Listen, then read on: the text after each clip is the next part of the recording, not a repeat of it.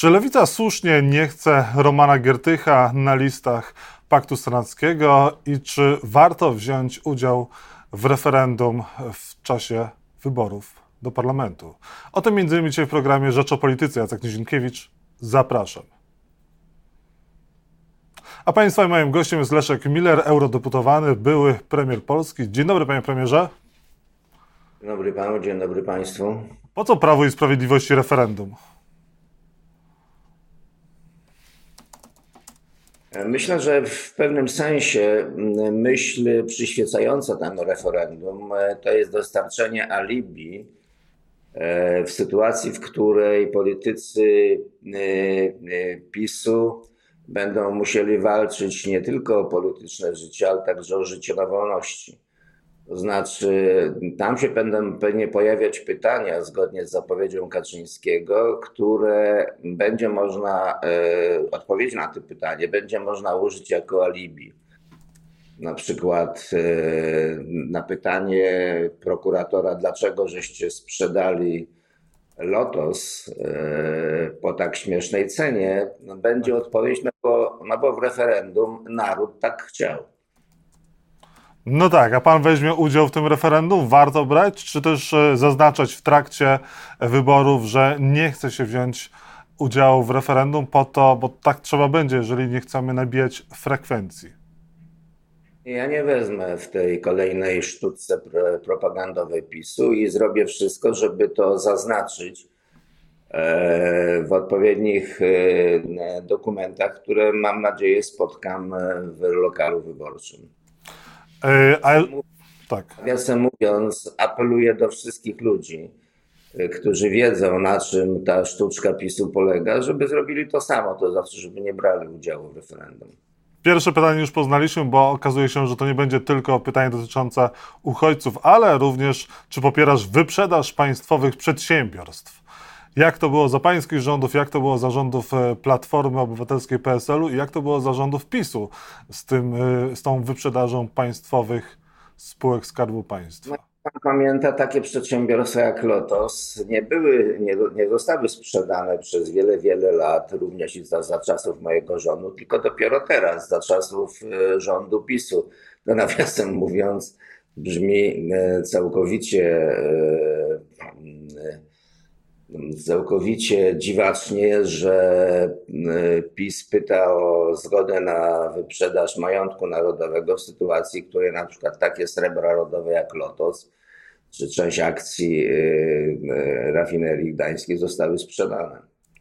No właśnie, a jeżeli chodzi o dorobek pańskich rządów albo dorobek e, Platformy Obywatelskiej, nie jest tak, że te, jak mówi Prawo i Sprawiedliwość, srebra rodowe były wyprzedawane i jest obawa, że będą w dalszym ciągu po zmianie władzy wyprzedawane? Proszę pana, e, ja byłem zajęty dostosowaniem polskiego ustawodawstwa i polskiego prawa do standardów Unii Europejskiej, bo moim najważniejszym celem e, było wejście do Unii Europejskiej, więc my robiliśmy wszystko, żeby znaleźć się w tym ekskluzywnym klubie e, europejskim. Natomiast co robili moi poprzednicy, już nie bardzo pamiętam. Nie, nie, przepraszam, nie poprzednicy, tylko następcy, już nie bardzo pamiętam. A jeżeli chodzi o referendum, które może się przełożyć na wynik wyborów parlamentarnych, to na ile ono wzmocni może PiS, a może opo ugrupowania opozycyjne? Ja pamiętam, jak Andrzej Duda zaproponował referendum o nowej konstytucji tam chciał zadać 15 pytań i wtedy PiS go wyśmiał. No ale PiS idzie dokładnie tą samą drogą. Nie wiem, czy to będzie 15 pytań, o których mówi Kaczyński, czy, czy, czy, czy mniej, ale to jest robione tylko po to, żeby wydać dodatkowe pieniądze, e, które pewnie e, znowu trafią do kieszeni tych wypasionych ludzi PiSu, a po drugie, żeby mobilizować tylko i wyłącznie własny elektorat, no bo tylko własny elektorat może się na to nabrać. E, panie premierze, a jeżeli chodzi o kwestie finansowe, czy to, że referendum będzie zorganizowane, ono nie wzmacnia ugrupowania rządzącego, bo to też jest w jakimś stopniu kampania, chociażby informacyjna, która może się przełożyć na kampanię yy, poszczególnych kandydatów. Y, z rządu?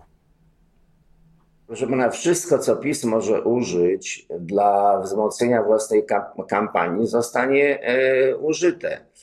PiS dysponuje olbrzymią przewagą nad całą opozycją. To jest przewaga dotycząca pieniędzy, środków, propagandy, zwłaszcza tych głównych e, mediów, e, tak zwanych publicznych. To jest przewaga wynikająca z dyspozycją w stosunku do administracji rządowej. To jest olbrzymia przewaga i wszystko zostanie użyte, co tylko może być użyte. PiS zrobi wszystko, żeby nie oddać władzy, a opozycja musi zrobić wszystko, żeby odebrać władzę, przy czym szanse opozycji i możliwości opozycji są mniejsze oczywiście. Czy w związku z tym wybory nie będą y, równe, nie będą y, uczciwe? Oczywiście, że nie. Na pewno nie będą uczciwe z uwagi na przewagę obozu rządzącego i to, i to, i to przewagę, którą no, widzimy codziennie. Pomysł z referendum jest y, kolejnym elementem tej przewagi. Panie premierze, a czy opozycja miałaby przewagę nad Prawem i Sprawiedliwością, gdyby na listach Paktu Senackiego znalazł się Roman Giertych? Opozycja miałaby przewagę e, nad e, PiSem, e, gdyby poszła z jedną listą wyborczą. To znaczy naprzeciw armii PiSu stanęłaby inna armia opozycyjna. No ale zdaje się, że już nie ma na to szans. Ja głęboko nad tym boleję, bo to po prostu wzmacnia PiS i żałuję, że szefowie e, ugrupowań opozycyjnych nie byli w stanie wznieść się nad ponad prywatne interesy, e, aby ratować państwo e, polskie. A Gierdy, Gierdy jest sprawa jednostkowa i oczywiście ona nie ma aż tak wielkiego znaczenia w takich sprawach globalnych, o których Pan pyta. No tak, no ale jednak e, pan jest za tym, żeby Leszek, e, żeby e, Roman Giertych kandydował w wyborach do parlamentu i nie podoba się panu to, co Małgorzata Biejat z Lewicy z partii Razem robi, chcąc kandydować jako konkurencja Giertycha, jeżeli on wystartowałby w jakimś okręgu, a Pakt Senacki nie wystawiłby mu kontrkandydata. Nie, nie, proszę nie, o, o, nie wprowadzać tu elementu osobistego. Ja sobie zdaję sprawę, że Biejat robi to, e, co jej polecono e, i na pewno wolałaby startować do, e, do Sejmu, no tylko, że tam miejsca są zajęte. Natomiast jeżeli chodzi o samego pana Giertycha, proszę pana, to są wybory, gdzie jak pan słyszy często ze strony praktycznie wszystkich liderów, że to są najważniejsze wybory od 1989 roku. Tak jest. One mają nadzwyczajną, e, nadzwyczajne znaczenie. Ja się z tym zgadzam. Ale skoro tak, to też trzeba odrzucić takie zwykłe techniki i systemy prowadzenia tych wyborów, tylko uciec się do, do systemów nadzwyczajnych. Co ja mam na myśli? Że trzeba zapomnieć, że to będą wybory, wybory, gdzie na przykład y, będzie normalna cyrkulacja władzy. Że trzeba zapomnieć, y, iż trzecie zwycięstwo PiSu niczego złego nie prowadzi, że to jest normalne zastępowanie jednej partii polityczną drugą i tak dalej, i tak dalej. I w związku z tym również trzeba tą myśl y, rozłożyć także na kwestie personalne. I starać się przyciągnąć ludzi, którzy już dowiedli, że są w stanie energicznie i skutecznie walczyć z tym potwornym zagrożeniem, jakim jest y, PiS, że mają odpowiednią wiedzę, że ta wiedza może być wykorzystana w kolejnej kadencji. Z tego punktu widzenia pan Giertych przydałby się czy w Sejmie, czy w Senacie. Mówi to pan, polityk lewicowy, o y, byłym szefie LPR-u i koalicjancie Prawa i Sprawiedliwości w poprzednim rządzie? Proszę pana, Giertych był moim wrogiem kiedyś. E, Pamiętamy. E, groził mi, że postawi mnie przed Trybunałem Stanu, że, Unia Euro, że moja, mój udział w Unii Europejskiej, w negocjacjach europejskich, we wprowadzeniu Polski do Unii Europejskiej kwalifikuje się na Trybunał Stanu i tak dalej, i tak dalej. Tylko, że biorąc pod uwagę nadzwyczajność tych wyborów, wracam do tego wątku. Dzisiaj trzeba zapytać ludzi nie tyle skąd idą, tylko dokąd chcą iść. A ja jestem przekonany, że Giertych chce iść we właściwym kierunku. Czyli pan y, widziałby w Romanie Giertychu y, wartość dodaną dla opozycji i uważa pan, że powinien kandydować? Widzę, widzę w nim wartość dodaną, bo jestem pewien, y, że w sytuacji po 15 październiku jego obecność w Senacie czy w Sejmie byłaby bardzo funkcjonalna. Powinien wystartować z własnego komitetu? Tego nie wiem. Jeżeli nie ma innego wyjścia, no to pozostaje mu tylko to jedyne. Ale czy on zechce wystartować, czy nie, to jest jego sprawa. Ja w każdym razie wyrażam pogląd, który pan przed chwilą słyszał. I na koniec lewicy, na koniec tego wątku lewicy by pan odradzał wystawianie kontrkandydata, gdyby, tak jak pan napisał 9 sierpnia, niech pan startuje z własnego komitetu, nie ma znaczenia, kogo wystawi tak zwana lewica, i tak pan wygra. Wydaje mi się, że gdyby Giertych wystartował, to jest w stanie wygrać z każdym. Eee, znaczy z każdym, kto ma mniej znaczące nazwisko, kto jest mniej znany i tak dalej, i tak dalej.